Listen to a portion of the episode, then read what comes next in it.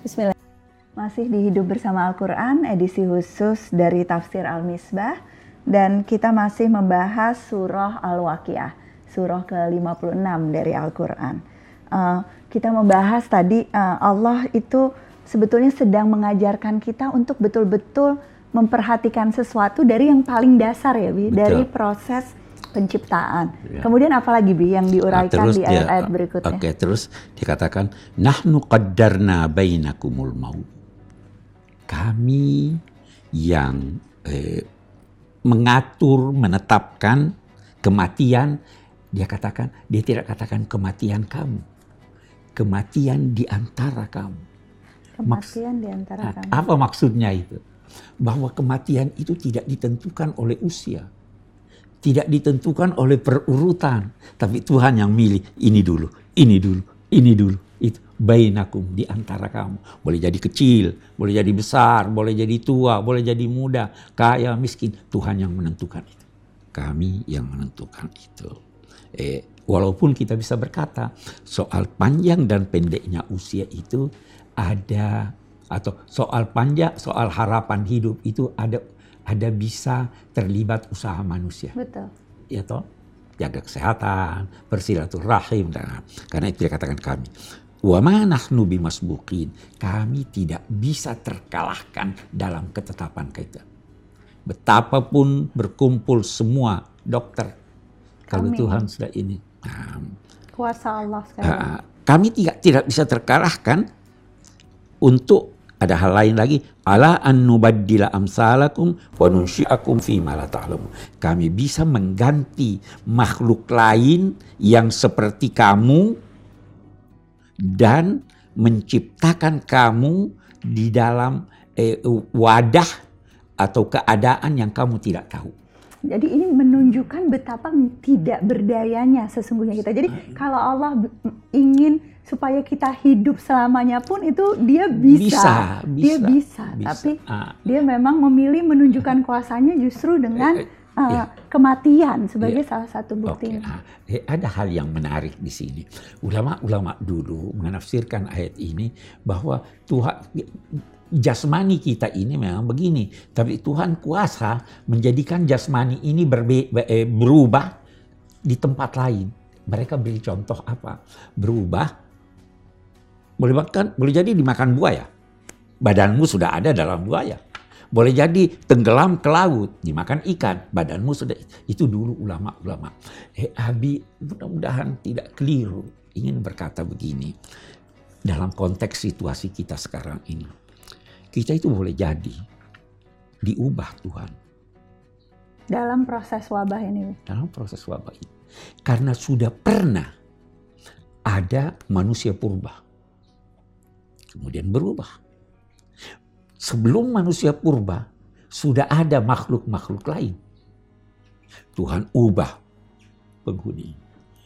Kita sekarang sudah berubah dibanding dengan seribu tahun yang lalu. Dibanding seratus tahun yang lalu nah, pun sudah ah, udah sudah banyak sudah perubahan. banyak perubahan. Eh, kami kuasa mengubah kamu wahai manusia-manusia.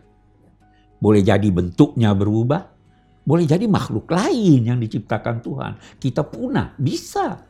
Itu yang itu yang ingin di Nah, menyangkut kami ciptakan kamu, kamu eh, bangun kamu dalam suatu keadaan situasi yang kamu tidak tahu. Kita tidak tahu apa akhirnya. Walakad alimtumun nasyatal ula falaula tadakkarun. Kalian sudah tahu penciptaan pertama. Apa itu penciptaan pertama? Adam. Tidak pakai ayah, tidak pakai ibu.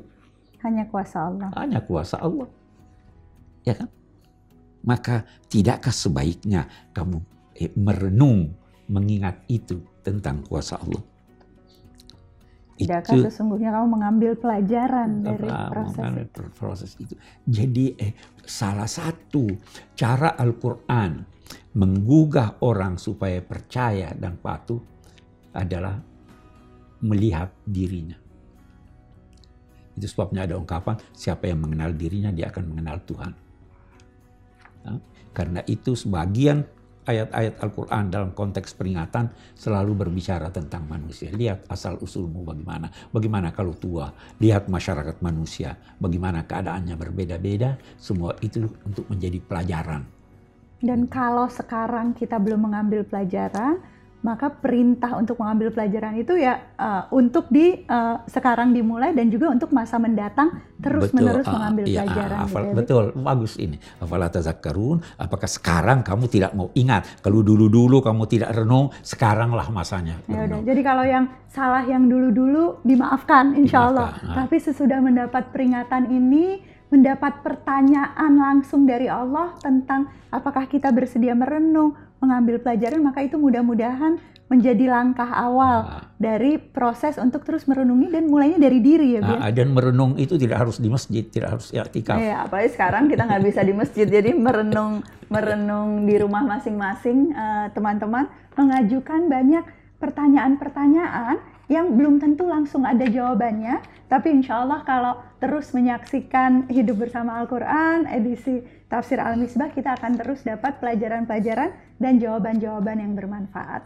Saya ingin uh, kasih kesempatan ke salah satu penanya, pertanyaan-pertanyaan ini sudah dikumpulkan sebelumnya dan uh, kita cari yang uh, paling relevan untuk episode kali ini.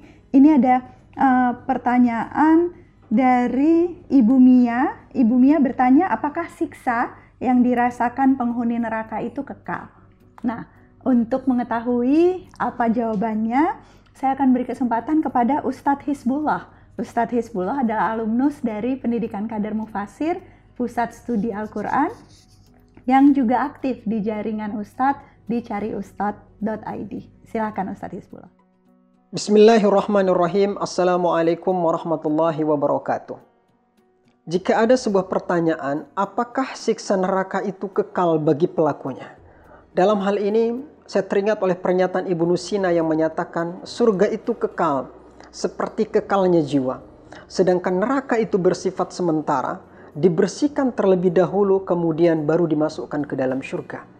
Di dalam hadis kudesi bahkan disebutkan, Inna rahmati golabat ghadabi. Di dalam riwayat yang lain, Inna rahmati sabaqat ghadabi. Sesungguhnya rahmatku mengalahkan amarahku. Di dalam Al-Quran sebagai referensi utama umat Islam, ketika berbicara tentang siksa neraka, ada dua bentuk yang selalu dipakai. Yang pertama adalah ada orang yang disiksa khalidina fiha abada, kekal di dalamnya selama-lamanya, yaitu ditujukan kepada orang-orang kafir. Yang kedua adalah ada orang yang tidak kekal, bersifat sementara, yaitu ditujukan kepada orang-orang beriman, yaitu dibersihkan terlebih dahulu sampai pada waktu yang sudah ditentukan, lalu dengan rahmatnya dimasukkan ke dalam syurga. Bahkan di dalam Al-Quran surah Hud ayat 107. Di ujung ayat 107 itu kita bisa baca. Inna rabbaka fa'alun lima yurid. Di sini Allah memiliki sifat fa'alun. Yaitu sifat tertinggi yang Allah maha berkehendak. Dalam artian bisa jadi Allah Maha Kuasa yang sudah menentukan orang kekal di dalam neraka lalu dengan rahmatnya dimasukkan ke dalam surga. Wallahu a'lam wassalamualaikum warahmatullahi wabarakatuh. Terima kasih uh, pertanyaannya Ibu Mia dari Jakarta. Terima kasih Ustadz Hizbullah yang sudah menjawab. Teman-teman, uraian tentang ayat-ayat di Quran Surah Al-Waqiah ini kita sudah sampai ke uh, ayat ke-62 ya. Uh, Abi tadi ayat yang terakhir itu semoga terus menjadi pengingat untuk kita. Pengingat bahwa uh, awal penciptaan itu seharusnya mengantarkan kita pada keyakinan bahwa pasti ada kebangkitan setelah kematian. Dan Allah mampu melakukan apa pun, Dia yang menciptakan dan Dia pula yang nanti akan menghidupkan semua kita yang sudah pernah ada. Terima kasih sudah menyaksikan Hidup Bersama Al-Quran edisi khusus Tafsir Al-Misbah. Kita akan lanjutkan besok insya Allah Albi. Kita akan mulai dengan Quran Surah Al-Waqiah ayat ke-63 dan seterusnya. Assalamualaikum warahmatullahi wabarakatuh.